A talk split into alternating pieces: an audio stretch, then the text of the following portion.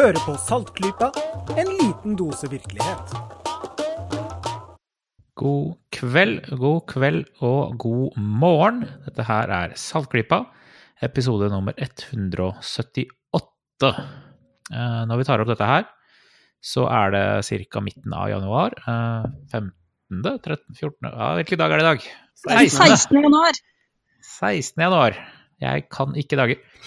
Eh, Det er eh, litt viktig at det er den 16. januar i dag, og litt eh, hvorfor det er eh, viktig, skal vi komme litt tilbake til akkurat nå.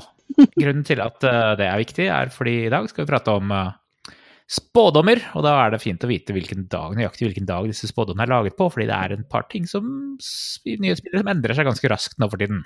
Ja. Jeg heter Bendik, og med meg i panelet i dag så har jeg med meg Jørgen, Joho! og jeg har med meg Lisha. Hallo, hallo. Så da var det nytt år og nye muligheter og nye fine ting man kan si dumt. sånn som jeg gjør. Vi hadde jo tilsvarende episode i fjor, så hvor vi spådde hva som skulle skje i 2018. La oss bare ta en rask oppsummering av hva som vi trodde kom til å skje der. Og også la oss se var dette virkelig interessante spådommer.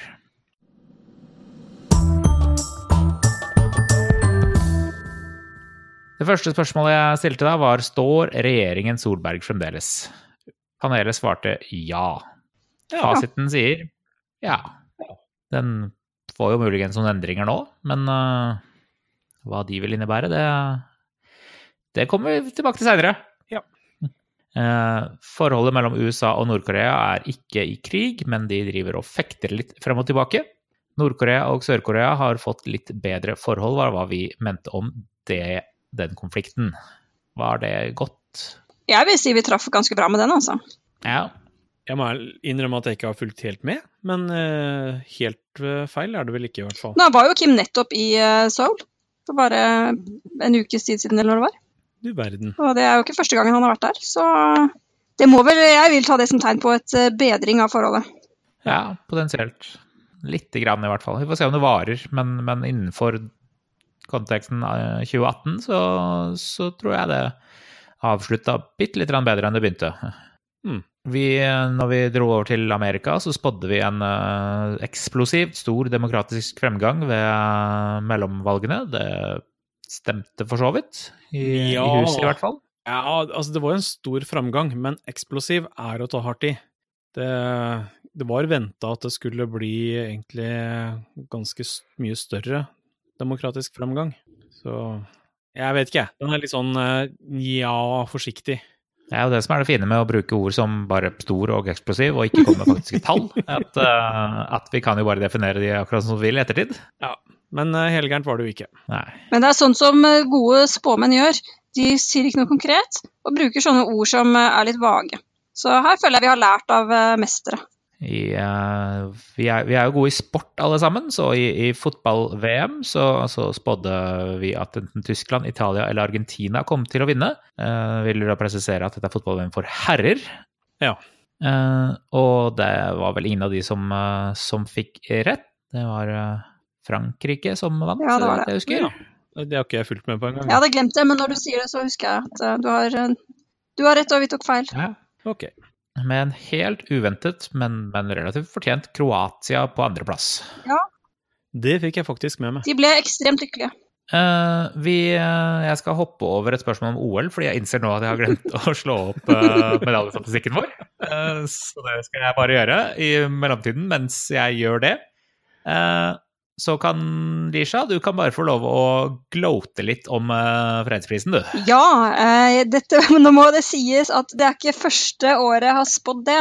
Det er vel heller kanskje en fire-fem år på rad at jeg har spådd det samme når vi har hatt disse tradisjonelle spådomsepisodene våre. Men jeg sa at Dennis Mukwege skulle vinne fredsprisen, og endelig så slo det til. Og han vant den sammen med Nadia Murad. Eh, For de jobber jo for samme mål på hver sin måte. Eh, Så han fikk fredsprisen, og ikke Seth Myers, som Marit spådde. Nei. Så der fikk jeg endelig rett. Og det viser min teori at hvis du har en spådom, så fortsett med den. Ikke sant? Sånn som dette her med at dronning Elisabeth eh, ikke lever lenger. Før eller senere så må du slå til. Så det er trygt å bare Ja, ikke stjel den fra meg nå, da. Og, eh, den, vi kommer Ja, tilbake vi gjør til den. Men det er bare et veldig godt eksempel på at før eller senere så får du rett. Og til slutt, etter jeg tror kanskje fem år, så fikk jeg rett på Dennis Mukwege. Ja, nå får du problemet at da må du finne på en ny en, da. Ja, det er det litt dumme med det der. Det er vel ikke så veldig sannsynlig at han får den igjen neste år. Han får den ikke igjen neste år, men det var egentlig ikke så mange andre jeg bryr meg om skal få den, så nå er det ikke så viktig. Eh, men da kan vi hoppe tilbake til det jeg egentlig hadde tenkt til å spørre om, som jeg bare glemte å gjøre researchen min på. OL. Profesjonalitet. OL. Eh, Jeg hadde lyst til å bare spørre dere om eh, Eller jeg spurte dere om hvor mange medaljer Norge ville ta i OL. Du spådde 24. Marit sa tre gull, og Jørgen sa ni gull og 22 medaljer totalt. Mhm. Dere begge og Marit var helt under uh, hva det faktisk blei. Ja. Norge tok 39 medaljer. 14 gull, 14 sølv og 11 bronse. Det er helt sinnssvakt. Vet du hva, er, vi er såpass Ja. gode da, at man tør nesten ikke å gjette på sånne tall. Det blir jo som selvskryt, ikke sant? Det er jo Mm. helt latterlig. 14 gullmedaljer. Hva skal det bety? Det er, det er jo ikke gøy for de andre lenger. Jeg slo jo opp i statistikken og tok en sånn uh, høygjetnings... eh, eller høy, sannsynlighetsgjetning på den der, men eh, det var jo helt feil i år. Vi må slutte å være så beskjedne på nasjonens vegne. Typisk norsk å være god, så bare klink til. uh, vi uh, regna med at uh, Fjellmannen kom til å være tema, men faller ikke. Det har vi for så vidt hatt uh, hatt rett i. De som bor under den, har blitt evakuert seks ganger i løpet av 2018. Stakkars folk. Herregud. Det må jeg si at det er et veldig godt eh, treff. Det var eh, jeg som definerte det sånn. Så jeg tar den på min kappe. Jeg, jeg tar det der som en fullstendig helt korrekt uh, gjetning. Uh, vi uh, snakka litt om teite kostholdstips. Uh, det som jo kom eh, i fjor akkurat da, var en raw water, noe som er så idiotisk som det faktisk høres ut som. Eh, vi trodde kanskje at råmelk ville gjøre et tilbakeslag, eller eh, mouth cooking. Ingen av de eh, har jeg hørt om i nyhetene i år, i hvert fall. Nei. Jeg syns ikke det har vært noe sånn derre Sånn stor greie på kosthold, liksom at eh, alle skulle drive med en eller annen type diett. Jeg syns ikke det har vært noe sånn i år, jeg. Nei, det, jeg har ikke lagt merke til det, heller. Det har ikke vært noen stor fad som jeg har merka. I hvert fall ikke som har vært utenfor liksom, miljøet av folk som følger alle teite dietter. Dem- For jeg er ikke i det miljøet. Nei. Så hvis det liksom ikke har vært i mainstream, da har jeg ikke fått med meg. Så jeg tror ikke det har vært noe sånt i år. Jeg uh, lurte så på om vi uh, er fremdeles fullstendig forelska i Adam Douglas, og da er det sikkert noen som spør hvem? Ja. Ja. og, det, og det forteller jo litt om, om uh, hvor raskt vi lar folk falle ifra, ifra oppmerksomheten vår. Adam Douglas var han derre smørsangeren som eh, var med på Stjernekamp da i forfjor. Som eh, vi ble helt forelska i som en nasjon alle sammen. Han hadde jo egen julekonsert på NRK og greier eh, da nå i forfjor. Nå husker jeg at vi snakka om det, og jeg husker at eh, dere måtte fortelle meg hvem i all verden det var. Så mm mhm. Ja. Du, du har muligens ikke fulgt med der, men, men jeg kan ikke huske å ha sett navnet Adam Douglas i, eh, i nyhetsbildet eller i, i mediene det siste året cirka. Så han eh, Samfunnsmessig så, så glemte vi han ganske godt. Jaggu. Ditto med lotepus. Ja, der hadde vi rett. Ja, Lotepus har jo eh, vært en del i media i løpet av høsten, blant annet. Men uh... Har han virkelig det? Ja, jeg har ikke fulgt med på han heller, jeg. Så. Ja, det var Jeg har bare sett noen overskrifter, sett at han har vært der. Jeg har virkelig ikke fulgt med, men jeg har sett at han har vært der. Uh, jeg lurte på om uh, The Tide Pod Challenge ville spre seg til Norge og eventuelt uh, drepe noen ungdommer. Det har ikke skjedd. Den, den der, der eh, Tide Pod Challenge, hvis dere ikke husker den, eller la merke til den, så er det med god grunn. Det var eh, utfordringen å ta en sånn kapsel med vaskepulver og ta den i munnen og bite. Eh, og så ta en selfie av det. Jeg hadde en liten agenda med å spørre om den, fordi det, det var faktisk ikke en ting. Nei. Det, den, den dukket opp i mediene et par ganger av sånne der alarmistiske medier. Sånn, Se hva barna holder på med nå! Eh, men, men det var ikke en ting. Det, det, det, skjedde ikke. Det var liksom tre bilder på YouTube med noen konstruerte hendelser som, som handla om det. Og så ble det liksom blåst opp i massivt i, i visse sirkler i, en, i, kort tid. Og så innså folk at dette her så bare døde det ut, fordi det var jo ikke noe som folk gjorde, faktisk gjorde. Liksom, det er dummere enn planking, som jo var for mange år siden. Men den kunne man i hvert fall dokumentere at folk gjorde. Men den bare, det bare skjedde ikke. Så, så, jeg er veldig glad for at ikke den spredte seg til Norge, at den bare døde. Fordi det var fake news, liksom. Ja. ja vi hadde i hvert fall rett til, rett i at den ikke kom til å spre seg, da. Ja. Lisha, har du vært i noen trafikkulykke i fjor? Eh, definert trafikkulykke. Vel, det, det, kan, det, kan, ikke jeg gjøre, for det er du som kom med spådommen. Ja, jeg vil si at det ikke var en trafikkulykke, for det var ikke noe trafikk annet enn meg der. Eh, men dessverre så har jeg eh, påført en skade. Jeg sto nesten stille, men den andre tingen sto helt stille. Og ja, jeg har dessverre påført en bil som jeg ikke eide, en eh, skade. Um, men det var ingen annen trafikk, så jeg vet ikke om det kan kalles en trafikkulykke. Og jeg har sikkert lært masse av dette. Sikkert lært utrolig mye, regner jeg med. så, det er vel ikke akkurat noen ulykke? Altså, det var ikke en ulykke, ingen kom til skade, og altså, bilen fikk en trøkk, da. Så jeg følte ikke at det var en trafikkulykke. Da må det liksom være trafikk, tenker jeg. Jeg var den eneste trafikken. Så du, ja. du, definerer deg selv ut av den, eh, den der, der? Jeg definerer det bort. Men heldigvis så hadde faren min forsikring, så derfor så ble det ikke noen krise ut av det. Ja. Og som sagt så lærte jeg masse, så dette gjentar jeg ikke. Ja, Jørgen, du spådde at du kom til å være vitne til en ulykke. Var du der og så på? Nei, jeg har eh, ikke sett en ulykke skje, men jeg har vært uh, tidlig på stedet på opptil flere ulykker. Det har jeg vært. Jeg kjører jo veldig mye bil, så det var egentlig høysannsynlighetsgjetning. Jeg har sett mye stygg kjøring og, og ting som veldig lett kunne blitt ulykker. Men, eh, men, nei, jeg har ikke sett en ulykke skje. Ok. Jeg uh, trodde kanskje at jeg skulle dukke opp på TV igjen. Uh, det, eller ikke dukke opp på TV var ikke ordlegningen jeg brukte, var uh, å bli påmeldt et uh, nytt reality-show. Mm -hmm. uh, vi prøvde, men, men, fikk ikke Men hadde ikke noe nåløye. Uh, det var for så vidt meg, Marit og Kristin som søkte om å, å, bli med på NRKs Hva feiler det deg? Uh, ja. Lege-quizshowet deres. men vi var da ikke karismatiske nok til å bli med, eller noe sånt. Sånn er det. Æsj. Så dumt. Ja. Det er mulig vi prøver det neste år. Ja ja. Ikke gi dere så lett. Ja. Eh, Eller så, så, hadde jeg veldig lyst til å melde meg på et realityshow, men jeg tolket min samboers kommentarer som nei, det får du ikke lov til. Uh, så, da, så, da, gjorde ikke jeg det. Det var eh, det, var det nye NRK-showet Den ultimate agent, for jeg syntes det virka veldig gøy å løpe rundt og være spion og, og droppe ting og skjule ting og spionere på folk på TV, så den hadde jeg, hadde jeg litt lyst til å melde meg på. Men, uh, men så overtalte min samboer meg til at uh, det burde ikke jeg gjøre. Hæ. Det var jo dumt for oss. Kunne vi mm. hatt noe å le av? Uh, og, og, Marit spådde at hun kom til å gjøre en kjendis sint på seg i 2018. hun fikk vel noen kronikker skrevet som kunne truffet henne. For det var litt sånn derre Jeg husker det var en, en liten sånn derre Hva, får vi ikke lov å si indianere lenger nå?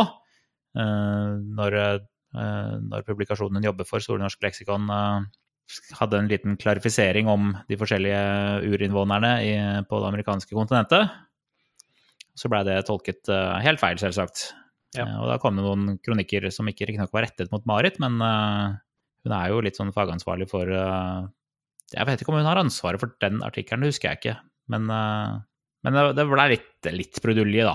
Men det var ikke sånn kjendiskjendiser. eller liksom Kjetil Rollnes-level-folk. Nei, og så var det ikke retta mot henne. Så ja, ja.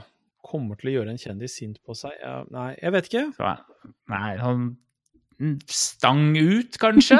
Eller sånn ja. et, et, par meter unna, unna målet? Du er veldig på sporten her nå, merker jeg. Ja, ja, nå har jeg jo sittet og lest uh, meg opp på, på, på sports. Nå er jeg bare sportsmetaforer uh, all over the place her. Det renner ut av deg, vet du.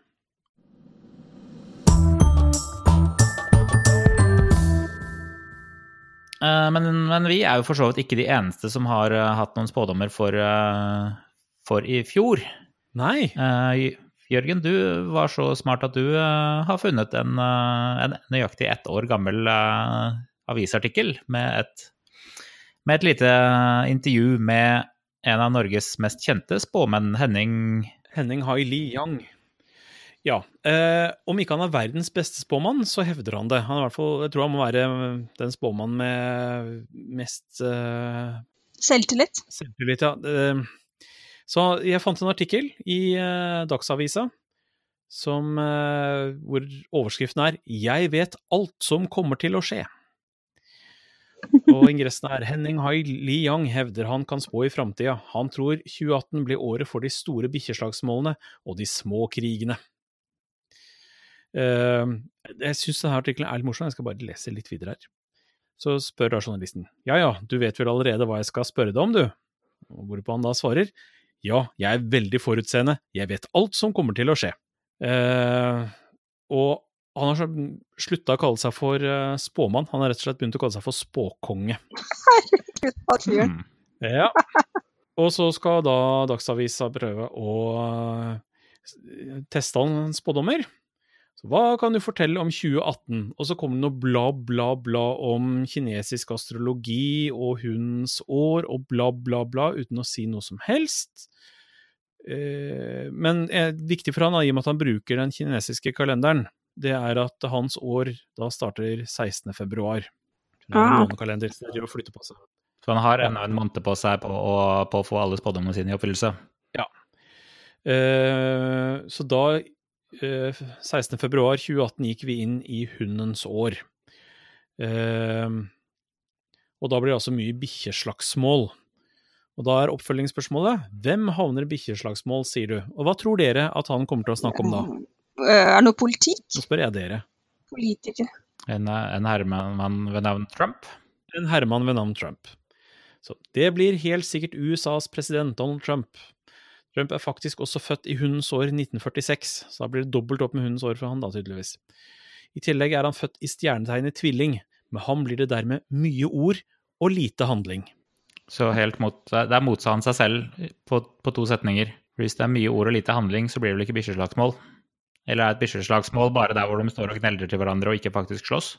Eh, Her kan vi jo krangle om eh, betydningen av ord. Jeg tror han med bikkjeslagsmål mener at det blir eh, kjekling istedenfor handling. Men med det i bakhodet, traff han? Har det blitt mye kjekling? Definer Jeg Aner ikke. Det er helt umulig å vite med en mann der.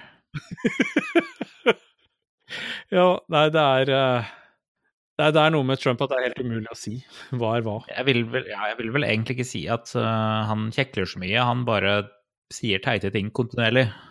Ja. Så er jo et annet spørsmål er, er dette en interessant spådom? Eller er det egentlig bare en beskrivelse av det som har skjedd i året før, bare gjentatt for neste år? Det er nøyaktig det det er. Det er ikke noe jeg ville så, Som veldig mange av våre spådommer, status quo gir deg ingen spådomspoeng, altså. Nei. Det, det Si det kommer til å være som det alltid har vært. Det er ikke en spådom. Det, det er ikke et interessant spådom. Ja, eh, men da er det oppfølgingsspørsmålet fra Dagsavisen igjen, da. Kan det bli atomkrig? Hvorpå han da svarer nei, jeg tror ikke det blir atomkrig i 2018. Nei, det tror ikke jeg heller, men jeg er jo ikke synsk for det. Herregud, for en dust, altså. Nei. Mannen som vet alt, tror ikke det blir atomkrig. Eh, og hvis det skulle bli krig, så blir det småkriger. Ja. Det er, er det en spådom? Jeg vet ikke. Det er uh, rimelig tynt. Jeg syns det er veldig, veldig tynt. Ja. Nytt spørsmål fra Dagsavisen. Her hjemme, da, vil vi merke at boligrenta går opp i 2018. Og da svarer han boligrenta vil nok holde seg ganske stabil, spår jeg. Er det mulig? Var, Ja, var det en uh, spådom? Jeg vet Nei, så bolig, Boligrenta, hvis den hadde gått opp, så ville den ikke gått opp med mer enn 0,25, og det kan jo til og med definere 0,25, kanskje 0,5, og det ville jo fint kunne defineres som stabilt, det også. Ja, det er noe med det. Men han fortsetter, da. Det var fare for at det skulle gå en del opp og ned i år, altså 2017, i hanens år. Det skjedde ikke, så jeg tror ikke vi vil se de store rentehoppene i hundens år. Så her tar han og bare ekstrapolerer fra fjoråret, Mm. og så tror han Det er andre gangen han kommer med en spådom hvor han sier 'tror'. Jeg syns ikke det er så veldig selvsikkert ja, når det kommer til stykket. Nei, og det er ikke en spådom. Altså, alle tror jo om både det ene og det andre. Ja.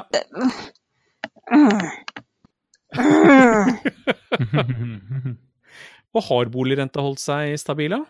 Ja, det har den. Ja, ganske stabil. Ja, relativt. Så sånn sett så har han jo truffet, da, men uh, igjen, det er jo bare å spå det samme som før. Det er å spå det samme som før, ja. Han spår status quo, han. Han spår øh, det samme som alltid. Og så kommer siste spørsmål fra Dagsavisen. Hva med styringen av landet vårt? Kommer partiet Venstre til å gå inn i regjering med Høyre og Fremskrittspartiet? Oh, det er faktisk en testbar hypotese, det der. der. Ja. Og da svarer han det ser sånn ut. Igjen, plutselig ikke så selvsikker. Jeg vet ikke. Uh, han sier at jeg tror, igjen kommer ordet tror, Norge får en ny regjering bestående av Venstre, Fremskrittspartiet og Høyre. Jeg er selv medlem av Frp, og jeg spådde faktisk begynnelsen av 2017 at Erna Solberg ville fortsette som statsminister etter stortingsvalget i høst, og det gjorde hun. Ja, igjen da, spådde Akkurat det samme som vi spådde. Det er jo mye mer sannsynlig at regjeringen blir sittende. Uh, ok, ikke etter stortingsvalg, der kan det gå begge veier, men sånn generelt, det er jo det er som du sier, Bendik, det er status quo. Det er mye mer sannsynlig at det fortsetter som det er, enn at det blir en omveltning. Yep. Og særlig et veldig stabilt land sånn som Norge. Og også når det Jep. ikke det er faktisk mer sannsynlig at regjeringen fortsetter eller ikke når det ikke har vært noen ja, store skandaler og liksom uh, omveltninger da, i forrige periode, så er det ikke noe Da er det mer sannsynlig at regjeringen blir Mm. sittende.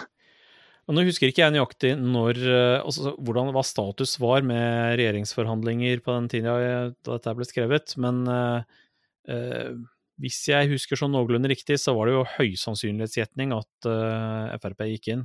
eh, at det var det han kommenterte. Så ja, det var altså At Venstre gikk inn. Venstre. Ja, unnskyld, Venstre. Og om noen skulle inn, så måtte det jo være dem. Ja. Det var vel ingen andre som var på, seriøst på tapetet. Det var jo forhandlinger med KrF, men det var jo ganske tydelig at det kom til å bli et nei den gangen. Selv om de nå har eh, gått inn i den samme regjeringa. Ja. Eller er i ferd med. Eh, Eller holder på. Holder på. Ja. Kanskje. Når vi tar opp dette her, så er det ikke offentliggjort ennå, i hvert fall. Nei. De forhandler fortsatt. Mm. Jepp. Men jeg er i hvert fall ikke videre imponert over eh, han som påstår å være spåkonge og verdens beste spåmann, som vet alt som kommer til å skje. Så hvis vi gjør det Jeg tror ikke det skal mye til at vi gjør det bedre enn det her, for å være helt ærlig. Så, så Henning, hører du oss? Eller du hører oss, for du vet jo hva som kommer til å skje. Uh, we're calling you out, som den bløffmakeren du er. Kom ut og forsvar deg. Dette her, dette holder ikke, altså. Dette her var for tynt. Ja, det, For det der var alt. Det var alt. Det er hele artikkelen. Så skal du komme med spådommer, så skal du komme med interessante ting som ingen, ikke er nøyaktig det samme som året før. Hvis du bare kommer med vage høysannsynlighetsgjetninger som det er lett å prate seg rundt og få til å passe til hva som helst, så kan sikkert hvem som helst være verdens beste spåmann. Ja. Og det er noe av det vi prøver å bevise med disse episodene her, faktisk. Hvor lett det er å komme med vage spådommer og, og definere spådommene sine på en sånn måte at de kan passe til alt. Ja. Så Henning, dette er ikke bra nok. Finn på noe bedre. Og finn på noe mer spesifikt, eller slutt å spa kalle det spådommer. For dette her, det duger ikke, altså. We're calling you out. ja. Er mer våsekonge enn spåkonge. Ho-ho-ho, her kommer ordet fram. fram. Burn. Kanskje det er, eh, det er du og jeg som klarer å få en kjendis innpå oss, og ikke Marit. eh, Ja, for vi har så mange lyttere som kommer til å snappe opp dette her. Og sender det videre til, til en gjeng. Ja.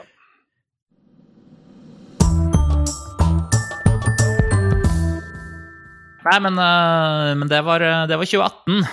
Eh, Jeg tenkte vi skulle ta en eh, rask titt på, på 2019, jeg. Det må vi gjøre. Eh, Da med, med, med selvsagt de vage spådommene. Eh, så Den første tingen jeg egentlig har lyst til å, å spørre om, er hvordan går det i kommunevalget i høst?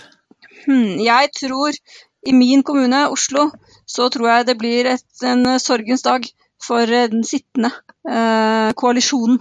For jeg tror at det var mange som stemte på, særlig på Miljøpartiet De Grønne eh, i forrige runde, som ikke så for seg at de faktisk skulle gjøre noe, eh, og at det skulle påvirke beboerne i byen. Eh, og der var det mange som fikk seg en rude awakening, som jeg tror nå vil gi sin stemme til andre. Da spår jeg for samme kommune, Oslo, at du tar helt feil, Lisha. Og folket viser uh, sittende byråd fortsatt støtte. Spennende. At de blir sittende. Og dette er også meget testbart. Dette her er testbart. Vi, vi kan gjerne utbrodere det enda mer med faktiske tall og representanter og alt sånt der, men det, så dypt gidder vi ikke gå. Nei, jeg tror nok det blir noen endringer, men jeg tror uh, totalt sett så blir byrådet sittende. Jeg tror ikke det blir noe skifte. Og kan jeg nå komme med en uh, type Henning Haili-type spådom? I min hjemkommune, Bærum, så blir det fortsatt høyrestyre. Tror jeg! det har vært høyrestyre der siden 1814. Uh, så det er typisk koster ingenting, og vil nesten garantert bli riktig å spå at det bare fortsetter og fortsetter i samme turen. Det er typisk en ikke-spådom. Det er bare sunn fornuft. Alle skjønner dette. Yes. Uh, vi, uh, hvor lenge varer uh, shutdownen i USA? Hvor de ikke får betalt og dermed ikke har lønninger eller midler eller noe som helst? Åh, den der er vrien. Det er jo litt begrensa hvor lenge det kan vare, men shutdown var helt til påske. Oi. Er det et ordtak? Det kan bli det. kan, kan, det bli et ordtak? Det klinger bra i hvert fall, så ja.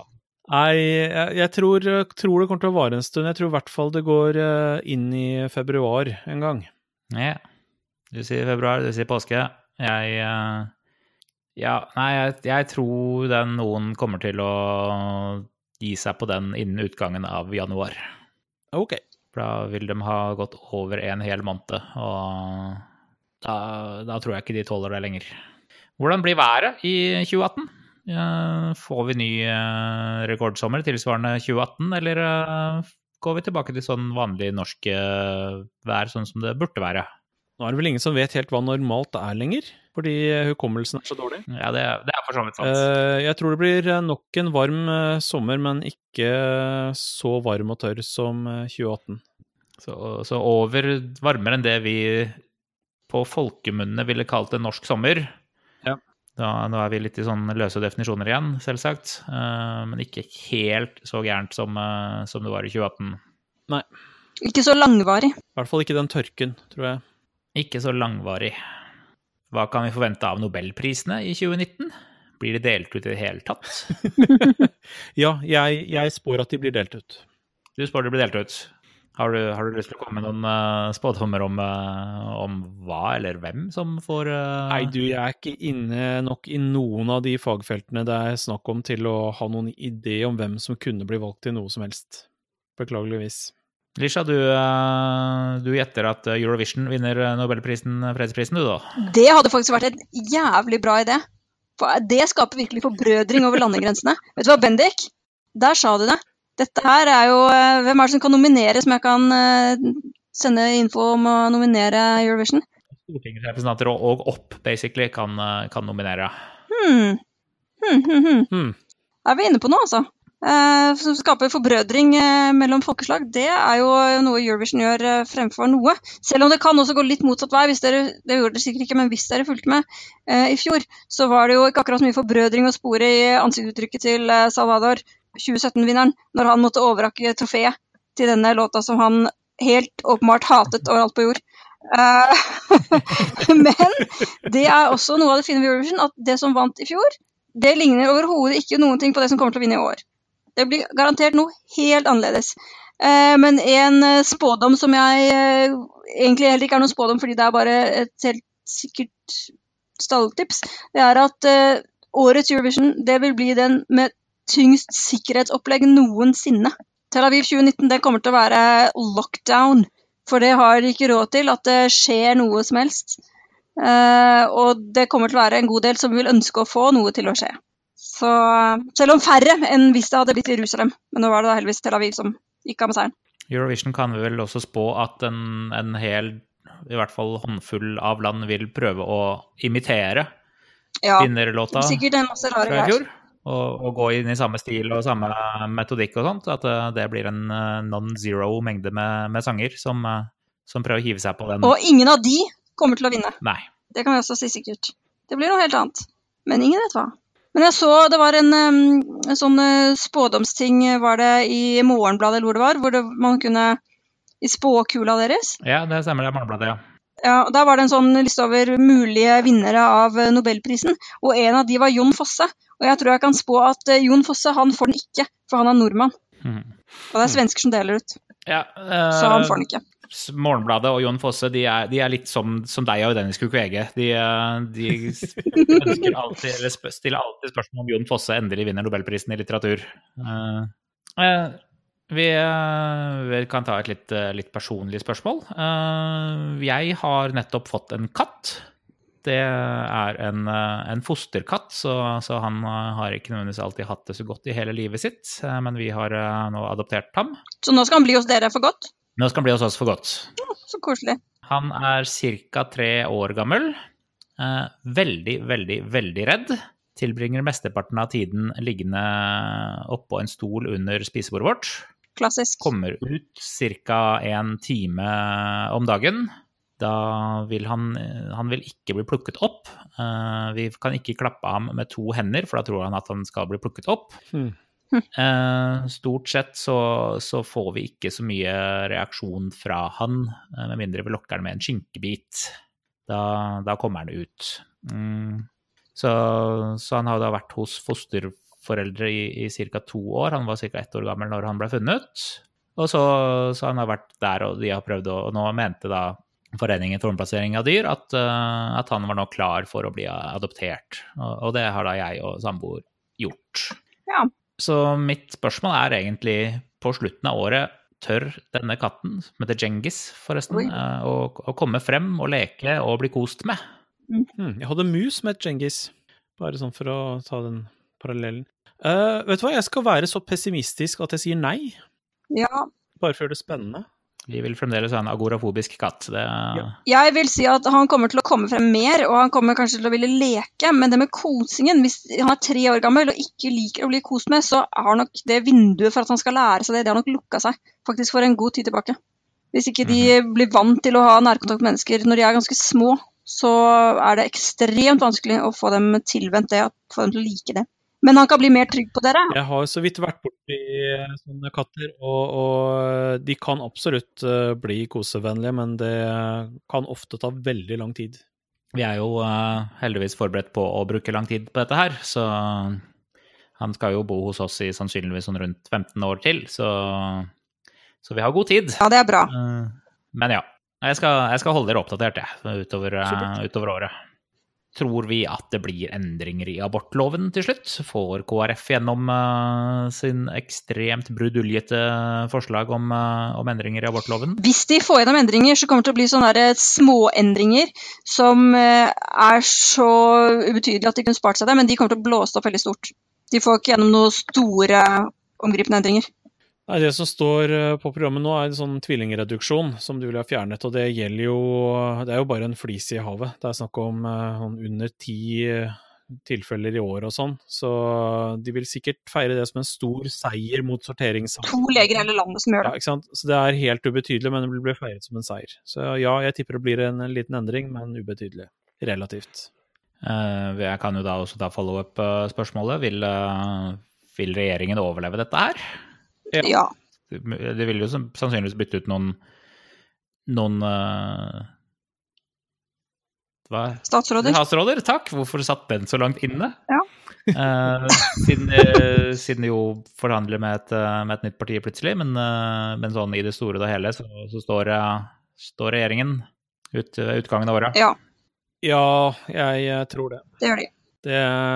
De kamelene rundt det med eh, abortloven tror jeg er veldig liten sammenligna med de andre kamelene denne regjeringa svelger eh, omtrent hver uke. Hmm. Ja. Og da, da kan vi eh, avslutte med eh, Lever dronning Elisabeth eh, på slutten av året? Nei, eller om hun gjør det, så har hun abdisert. Hun kommer ikke til å abdisere. Det kommer aldri til å skje. Det kan jeg garantere deg. Nei, men jeg spår i hvert fall at hun enten dør eller abdiserer i løpet av 2019. Da må hun dø, hvis du skal få rett. Det er den mest traumatiserende begivenhet i hele hennes liv. var hennes onkels eh, abdikasjon, og hun vil aldri finne på det. Og nei. Den eneste britiske kongen som har Tenk hun blir senil og gjør det likevel. Hun blir ikke senil. Tenk for en seier jeg får da. Ja, men hun blir ikke senil. Hæ? De der, der de blir ikke senile. Det var svenskekongen som ble senil, og han var svensk. Andre konger de, blir ikke senile. Monarker blir ikke det. Det er deres beste jobben. Ja, nei, men Det er i hvert fall min spådom. Ja, nå Take it or leave it. Akkurat nå, så er, tror jeg denne gangen så tror jeg faktisk hun er inne på noe, for hun har eh, skippet noen ting eh, i år som hun aldri pleier å skippe, sånn julegudstjeneste og sånt noe. eh, som det har sittet Mm. veldig langt inne for henne å ikke være med på. Så nå tror jeg faktisk at helsa er litt for nedadgående, altså. Og når du først er i den alderen, hun er jo over 90 år, så kan det gå ganske fort når det først går Eh, nedover. ja. Det er altså ikke første gang jeg spår dette, men uh... Og ikke siste gang, hvis hun ikke dør dette året heller. det er også sant. Det, det fine med den her før eller siden får du rett, med mindre hun dør på nyttårsaften, eller uh, det, det ville jo bare vært sånn, eh, sånn skikkelig ironi da, hvis hun dør neste De år, to før, i de, før vi får spilt inn uh, spådomsepisoden vår, etter at eh, 2019 er ferdig, men før vi kommer med spådommene våre for, 20, for 2020. Det, Det var klassisk. ja. Nei, men da tror jeg det var, eh, var de spådommene vi hadde, hadde for i år. Ja. Det, så tar vi, tar vi en titt nå til, om et års tid cirka, så det er jo godt vi eh, Jeg har en sånn uh, løs spådom som jeg har kommet på, Ja. som jeg har lyst til å ta i samme slengen. Og det er at innen utløpet av 2019 så vil enkelte homeopater i Norge ha gått over til å bruke en annen betegnelse enn homeopati på det de driver med. Ok. Har du noen idé om hva Ja. den kommer til å bli? Ja, jeg tror de kommer til å bruke betegnelsen release active drugs. Ok. Er dette noe som har begynt å skje i andre land, eller er det noe som du Ja, det er det. Det er eh, Så jeg tar det egentlig opp bare for å presentere, sånn at folk kan være klar over det. Ok. Eh, Det er sikkert mange av våre lyttere som har fått med seg fra andre podkaster, men eh, det er eh, I Russland så er det noen som driver og pusher hardt for det som da kalles for RAD, som er Release for Release. Active Drugs. Og det er altså homopati, det er ikke noe annet, men det er en eh, forsker som har klart å få flere publikasjoner i vitenskapelige tidsskrifter på dette her, når det da har kamuflert hva det egentlig er. Og det er eh, små, dårlige studier, men de er publisert, sånn at man kan vise til det. Ja. Og det kommer ganske sikkert til å spre seg ut av eh, Russland. Da skal vi følge med etter, eh, etter det ordet her i Norge. Ok, Nei, men da tror jeg vi, eh, vi er ferdig for i år. Da skal jeg bare komme med en liten spådom til, og det er at vi tar opp en ny episode om et par uker. Den tror jeg kommer til å slå til. Jeg vil ikke kalle det en høysannsynlighetsgjetning, for vi måtte skippe ganske mange episoder siste halvår. Ja, men det, man, må ikke, man må ikke spå status quo, vet du, så Ja, nei, men det, det er fint. ja, jeg tror vi, tror vi kaller det det. det dette her eh, kan bli et spennende år uansett. Så uansett hva vi spår eller ikke spår. Så, Det blir nok sikkert. så, så hvis vi skal ha noen anbefalinger for uh, denne gangen, så tror jeg det bare blir å følge med i 2019. Fordi, og, og ta, prøve å ta folk på når de spår ting, at de skal helst være spesifikke, og eh, ikke bare spå det som alltid har vært. Ja. Så bare sier vi det sånn. Da tror jeg vi bare skal, ja. skal avslutte. Så da er det bare for oss å si eh, ha det bra, alle sammen. Ha det, ha det. Ha det bra. Og så høres vi igjen eh, om litt. Saltklypa lages av Kristin Lisha, Jørgen og Bendik. Har du spørsmål, anbefalinger, ris eller ros, send det til post at saltklypa.no, eller finn oss på Facebook. Lenker til alt vi har snakket om i episoden finner du på saltklypa.no, hvor du også kan abonnere på podkasten for å få hver episode levert på døra helt gratis. Takk til Smart 9000 fra Evig poesi som har laget kjenningsmelodien.